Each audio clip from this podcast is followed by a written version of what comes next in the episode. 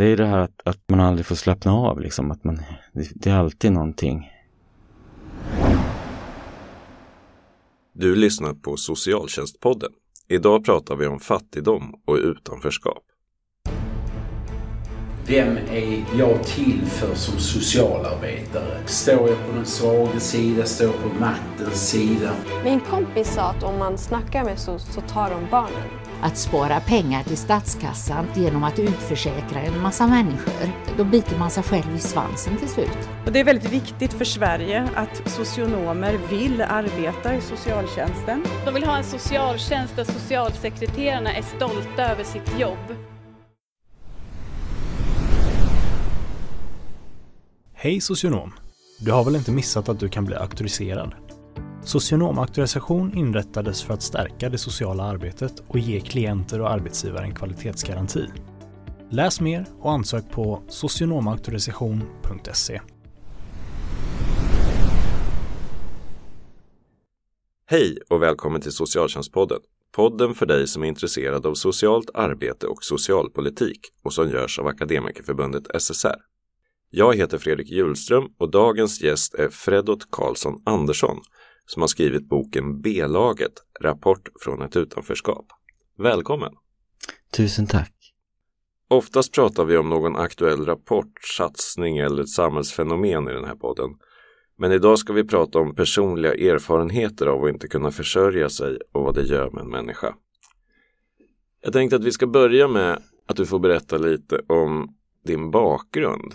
Hur, Ja. hur ser den ut? Eh, Ja, men den är lite brokig kan man väl säga. Men jag kan väl dra kort då dem.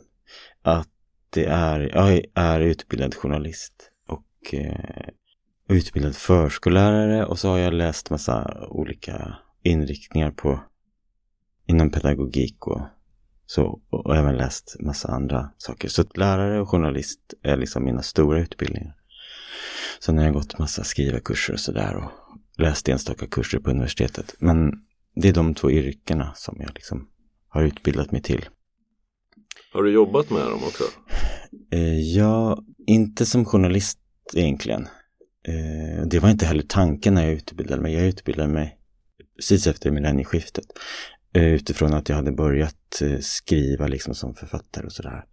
Och gått skrivarutbildningar och ville liksom lära mig ett nytt sätt att skriva på. Egentligen som hantverket skriva. Det var inte att jag ville jobba inom media egentligen.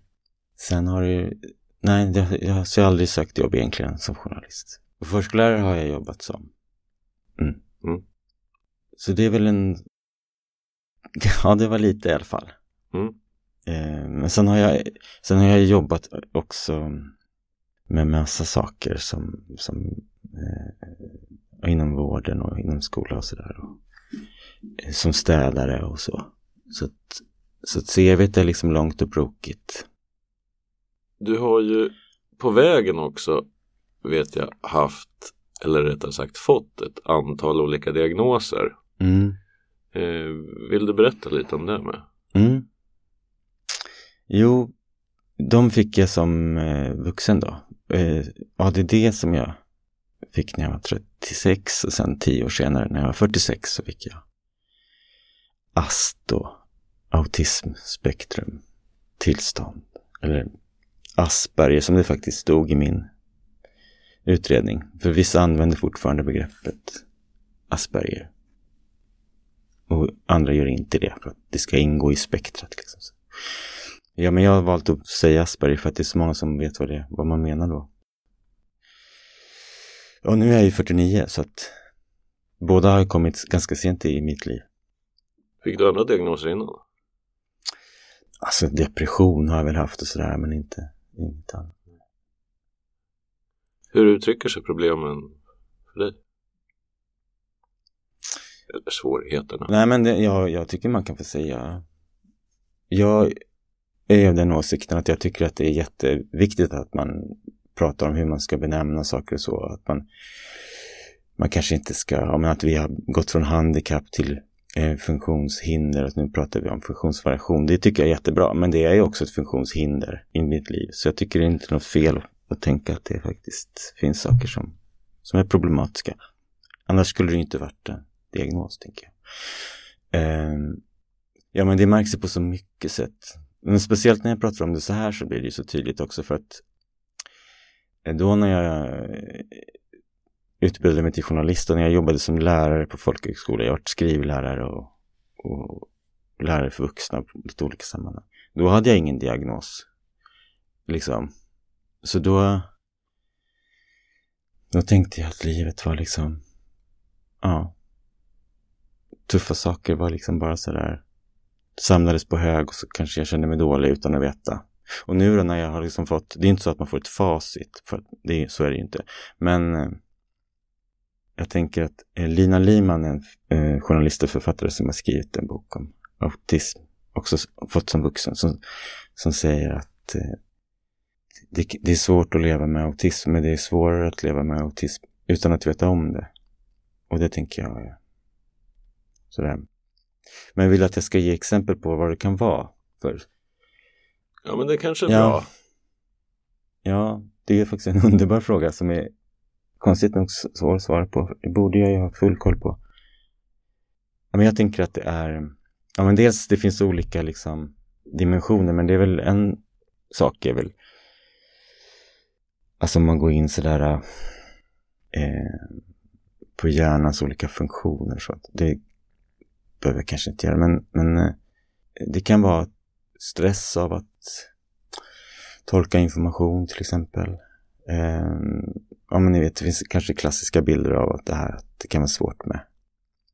Jag har inte svårt för sånt, ironi och sånt där, det har jag lärt mig att uppskatta också. Men det finns faktiskt många saker i vår kommunikation som bygger på att man bara förstår vad som menas utan att det uttalas i ord. Det tror jag är vanligare än vad man, många tänker på. Det är en sån som jag tycker clash som uppstår ofta. Att jag har svårt att tolka vad folk egentligen menar. Kanske vi är fler som har. Jo, det, det är det, men ja, jo, såklart. Ja, och sen tänker jag att det också är inneboende, för mig i alla fall, det kallas ju ibland för högfungerande autism. Och det där högfungerande är ju ett märkligt begrepp. För då är det i förhållande till vad liksom. Men det har också hjälpt mig att se, tror jag, en sak som jag har förstått nu, så här några år efter den diagnosen. Att det finns en inneboende liksom dubbelhet som är liksom i funktionalitet då. Alltså hur kan jag hur kan jag ha 260 universitetspoäng? Hur kan jag eh, skapa musik på datorn och, och liksom göra massa avancerade saker på datorn i redigeringsprogram och så, men inte öppna en bilaga i ett mejl eller skriva in OCR-numret i internetbanken. Och hur kan jag inte komma ihåg en fyrsiffrig kod eller hur kan jag inte, alltså hur kan samma person ha jättesvårt för de här sakerna och inte för de sakerna. Det är en sak som ställer till det ofta för att det är så otroligt förvirrande liksom. Att ha så dubbla funktioner, det tycker jag är svårt. Hela tiden och kommer det nog alltid vara så. Nu vet jag inte om jag svarade på frågan riktigt. Ja, men det tycker jag. om vi ska gå över till det här med försörjningsproblemen. Mm. Eh, hur uppstod de för dig? När och, och vad var orsakerna?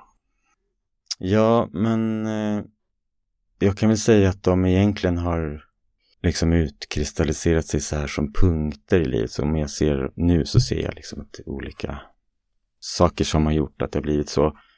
Så det finns ju konkreta händelser som ju är att vara långtidssjukskriven och sen bli utförsäkrad. Men sen också även att få sjukskrivningar eh, som inte går igenom liksom helt enkelt. Att Försäkringskassan inte... Alltså även, även efter långtidssjukskrivning. För jag har ju alltid försökt behålla jobb på sidan om och liksom eh, jag har inte velat vara heltidssjukskriven. Så jag har alltid försökt hålla liksom och då, då blir det ganska krångliga system. Det blir mycket med procentsatser hit och dit och svårt och, och så. Eh, så det har liksom varit skört de senaste 15 åren. Men när det kommer en sån där som, ja, men, som när en läkare anser att nu är har du blivit utbränd igen? Nu ser jag väldigt tydligt en hjärntrötthet. Du behöver vila. Läkaren då som har utbildat sig, vad är det, sju år eller vad det är, som tycker att den här personen bör vila. Eh, så har ju då Försäkringskassan egna medicinska experter som då säger bara nej, som inte har träffat mig. Så. Mm. När det uppstår, det är så overkligt att det kan vara så liksom. Så när sådana smällar kommer, då, ja men det som händer är att man liksom helt plötsligt fryser en månad inne och man har liksom inget. Då finns det ingen buffert heller. Nej, det gör ju inte det, liksom. Och det är ju inte, Sjukskrivning är ju liksom ingenting man planerar så här för att man ska, och då ska jag vara sjukskriven, så då får jag se till, ja men då kan jag få, liksom, det är liksom ingen, den, det kommer ju verkligen när man är, ja det kommer ju bara så. Mm. Och eh, så, sådana smällar har det varit. Sen hade jag liksom ingen superekonomi liksom mm, innan heller, men Ja men det är väl just det där att man inte har en buffert och då, då är man så skör när det händer. Eller liksom, Men det började med en långtidssjukskrivning mm. från början. Precis. Jag jobbade som eh, förskollärare och eh, i samband med den utbrändheten då, så, så, så fick jag första diagnosen också. Så då började jag liksom förstå. Och en läkare som skrev så här, nej men du ska inte jobba med, med det här för att det, det är alldeles för slitigt. Liksom. Eh, så det var där allting började. Så då fick du börja tänka att, att du behöver ett annat yrke eller jobb. Jo, men så var det ju. Och det var ju hemskt för att jag hade ju utbildat mig till det och vi älskar att jobba inom skola och barnomsorg liksom. Så, så det var ju ganska hårt. Men det är ju också på något sätt en... Ja, det blev ju en väg till en större förståelse då eftersom om nu sjukskrivning kan ha någonting gott med sig så hade väl kanske det att eftersom jag har ju, ja men jag har en jättehög sån arbetsmoral med mig hemifrån och sådär och man är inte sjuk, man är inte sjukskriven. Så att jag hade liksom en skam över att jag var sjukskriven. Eh, men också så här att jag bara liksom, ja men också uppfostrad till man i det här samhället. Jag tror att jag har haft i mig jättemycket, man bara kör på, liksom man känner inte efter. Och man... Så det var ganska nyttigt att få en sån där smäll på ett sätt att man förstår att, ja för det, det har jag ju förstått nu, att en, en del av min problematik som är kopplad till diagnosen är att jag har svårt att hjärnan måste berätta till mig som budskap med ord så här, nu är du trött, nu är du hungrig. Kommer liksom inte upp en karta i huvudet på morgonen så här. Då ska man äta ungefär, då ska man, utan jag kör bara på. Liksom. Och det var väl det han menade, den här läkaren, att om man då jobbar med människor, ganska stressig och bullrig miljö så, så finns det, är det förenat med viss ohälsa i längden om man inte är bra på att känna efter och sätta gränser, vilket jag ju inte var då. Jag skulle vilja komma tillbaks till frågan om eh, att Försäkringskassan har, har överprövat dina sjukintyg. Mm, just det. Upplever du att, att, att det har blivit vanligare? Eh, nu är ju du en individ så, så att jag förstår att det kan vara svårt att, att svara på. Men du pratade ju om att, att det kommer in läkare som aldrig har träffat dig som, eh, Mm. som då ska överpröva din personliga läkarkontakt. I, I min värld så är ju det här ett konstigt system. Jo, ja precis.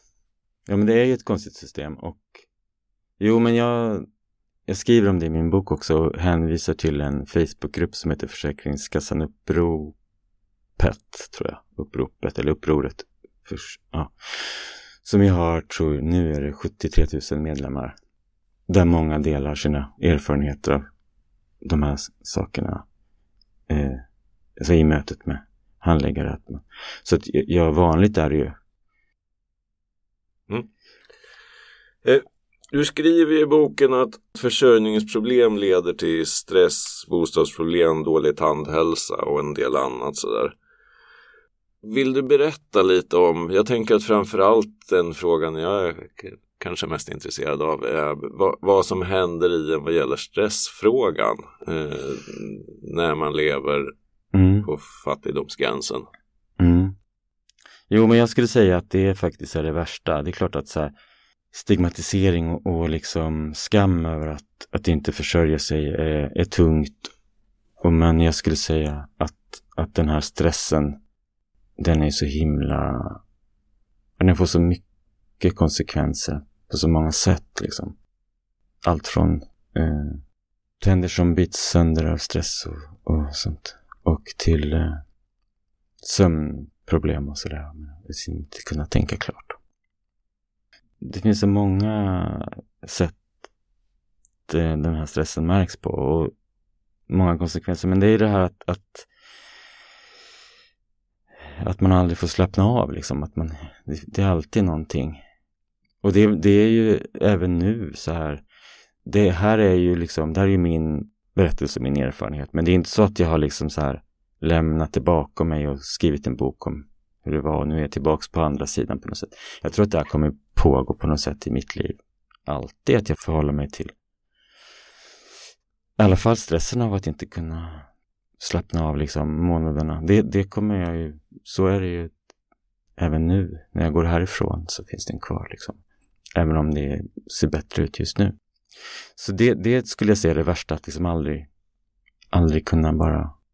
Man tvingas tänka på, inte bara så vända på slantar, för det gör väl många. Men, men, men på något sätt rädsla av att det kan dyka upp något nytt där. Just som vi sa förut, att om man har ingen buffert så blir allting så. Stora saker blir det ju, alltså det blir så, det blir så himla att liksom du beskriver i boken hur pengarna inte räcker till det nödvändiga ens en gång. Nej, precis. Att, att det faktiskt kan handla om ja, men, mat, husrum, toapapper, mm. whatever mm. så. Jo, men precis. Mm. Eh, I boken så skriver du att det som sätter de djupaste spåren är skammen och alltså inte själva fattigdomen Nej. i sig. Mm. Har du några tankar om varför fattigdom väcker sån skam?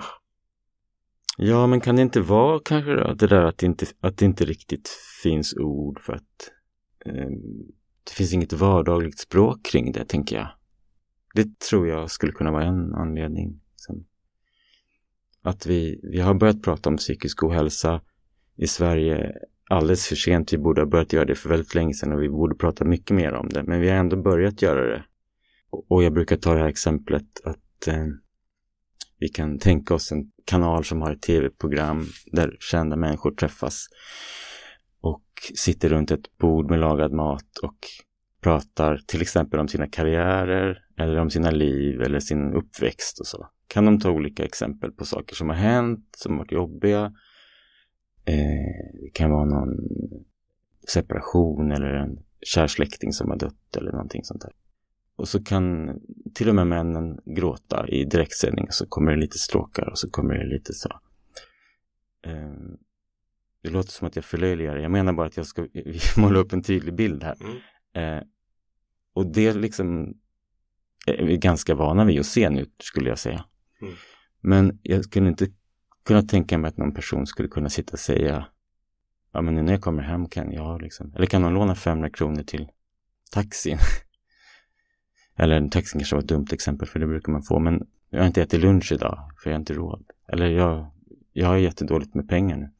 Det skulle, tror jag, vara jättemärkligt om någon sa.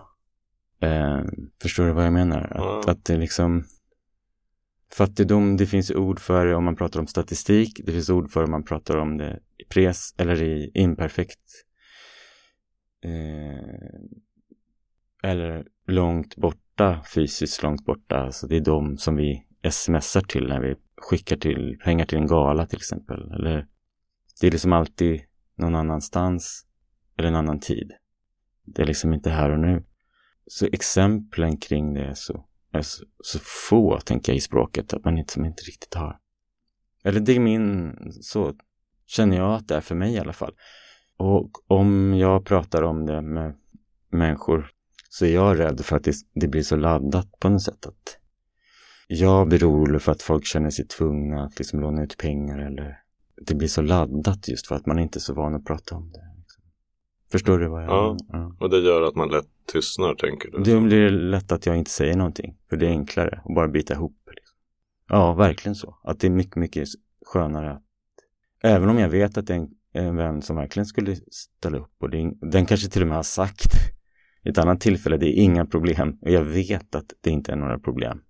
Jag vet kanske till exempel att den personen har en ganska bra, hyfsad ekonomi och om jag lånar 500 kronor så kommer inte det vara några som helst problem för den personen. Även om jag vet det har jag ofta valt att inte säga någonting. Så det är väl, ja, vad, vad kallas det, självstigma kanske. Att det, priset är så högt på något sätt. Mm. Ja, jag tror att det handlar jättemycket om språk, att man liksom inte... Ja, du har ju ett citat... Det blir trubbigt liksom, mm. när man pratar om det. Du har ju ett citat i boken om att fattigdom är en kris utan ord.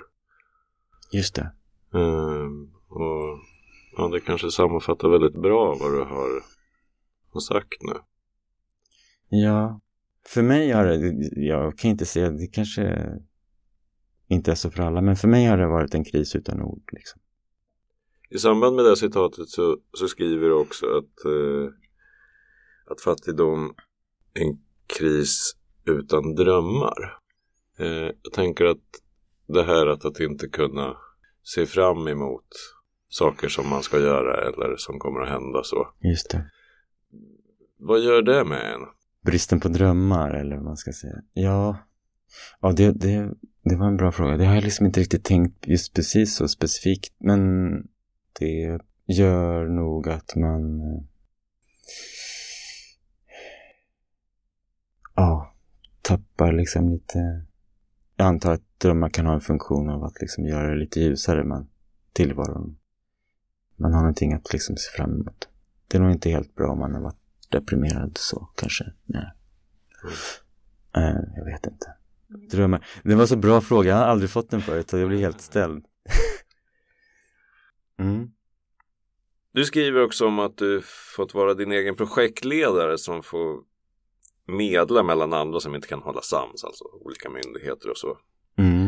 Eh, tror du att den bristfälliga samverkan mellan de här myndigheterna är en, är en avgörande faktor för att systemet fungerar så illa idag? Ja, det skulle jag säga. Att jag tänker att när man är som, det behöver inte kanske bara vara sjukast, men när man är, när man är eh, ja men kan ta exemplet sjuk då. När man är som sjukast ska man vara projektledare åt sig själv liksom. Och det går ju inte. Alltså man hamnar i system som liksom inte är gjorda för att försörja sig. Jag tänker att för mig, jag, jag brukar se på de här åren som en loop, så här, som, som någonting som jag har fastnat i. Eh, och insatserna har varit bra, jag har haft jättebra handläggare, jag har haft bra personer, jag har, allt har varit egentligen bra. Så varje insats för sig har varit väldigt bra. Jag har trivts på mina ställen, jag har trivts med de personer jag har haft runt mig som har hjälpt mig på olika sätt. Liksom. Men, men det blir aldrig någon långsiktig riktning framåt. Insatserna kan vara bra, men de har, liksom, har alltid ett naturligt stopp, som till exempel mina lönebidragsanställningar och sådär. Så puttar man in samverkan där så, så är det ju genast en helt annan sak.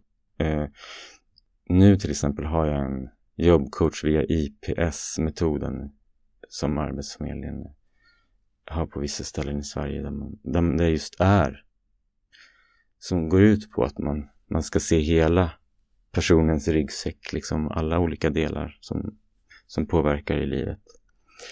Inte bara tänka så här, ja, jobb, då ska du bara söka jobb. Man, man, man ser faktiskt hela. Eh, ja, men jag har till och med varit med om, som jag skriver om i boken, att jag kände mig som en sån här, eller kände mig som ett, ett barn som ska medla mellan två nyskilda föräldrar som inte vägrar prata med varandra. Att jag har fått lämna, jag har fått liksom agera budbärare mellan Försäkringskassan och läkare liksom, som inte pratar med varandra. Nu vet jag inte om jag eh, vek bort från ämnet, men... Nej, ähm. det tänker att det är precis det där det handlar om egentligen. Ja, men man blir så ensam då också för att... att ja, men jag tror ju igen att det handlar inte om människor eh, som jobbar på de här olika instanserna som ju då är har makt över liksom det, mig och min situation kan man ju säga. Men det är ju inte, det är ju inte, det vet väl alla att det liksom inte är för att de vill en illa eller är sadister liksom. Eh, så det är ju inte det som är grejen.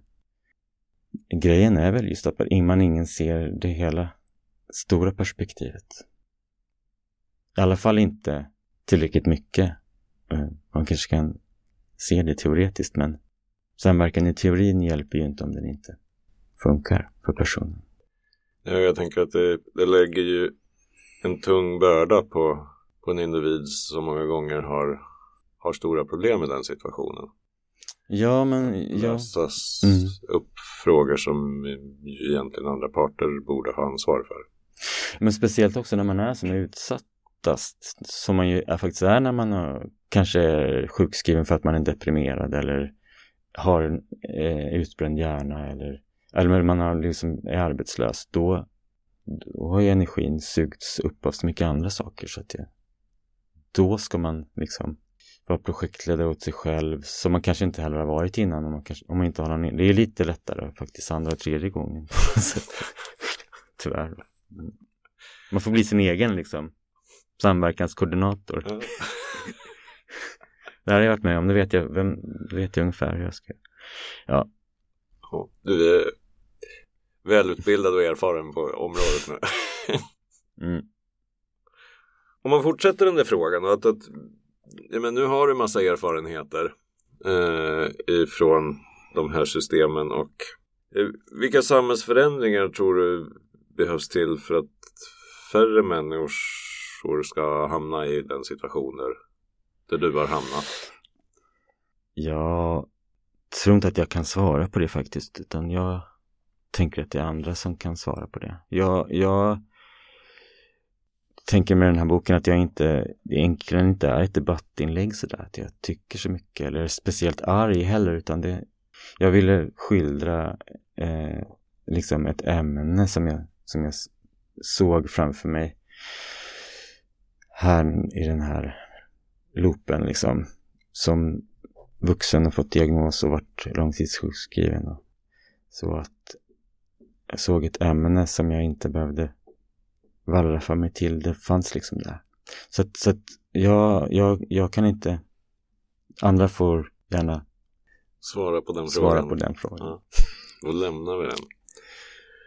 Eh, Ehm, Jag vill avslutningsvis bara säga att, att eh, jag blev ju otroligt tagen av boken när jag läste den. ja, tack. Eh, Eller vad man ska och säga. måste väl säga till lyssnarna att eh, läs den. Eh, Den är verkligen läsvärd.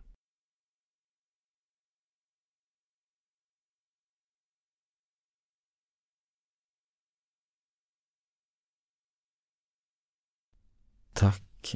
Eh, och det tänker jag att jag blir så himla glad för att jag ibland får höra sådär att att eh, folk säger att jag är modig, att det här eh, så viktigt och så. Men jag tänkte ju inte så när jag skrev boken. Så att, men jag blir väldigt glad för det, att höra att Sen är det i och för sig sorgligt att det är många som berättar att jag har där i mitt liv också rakt av, att det är så himla många. För jag har fått jättemånga som har skrivit sådär personligt. Och, men jag är väldigt glad för att det kanske kan, ja om det kan hjälpa någon så. Att den inte ska behöva känna sig ensam. För det är väl grundbudskapet. att det finns ju inget B-lag. Boken heter ju B-lag. Det finns ju inget B-lag. Det känns ju bara så. Mm. Så om det kan få folk att, fler folk att inte känna sig ensamma så, så är jag ju glad för det. Tack Fredot att du kom hit. Tack för att jag fick komma hit. Tack. Du har lyssnat till Socialtjänstpodden. Podden för dig som är intresserad av socialt arbete och socialpolitik och som görs av Akademikerförbundet SSR.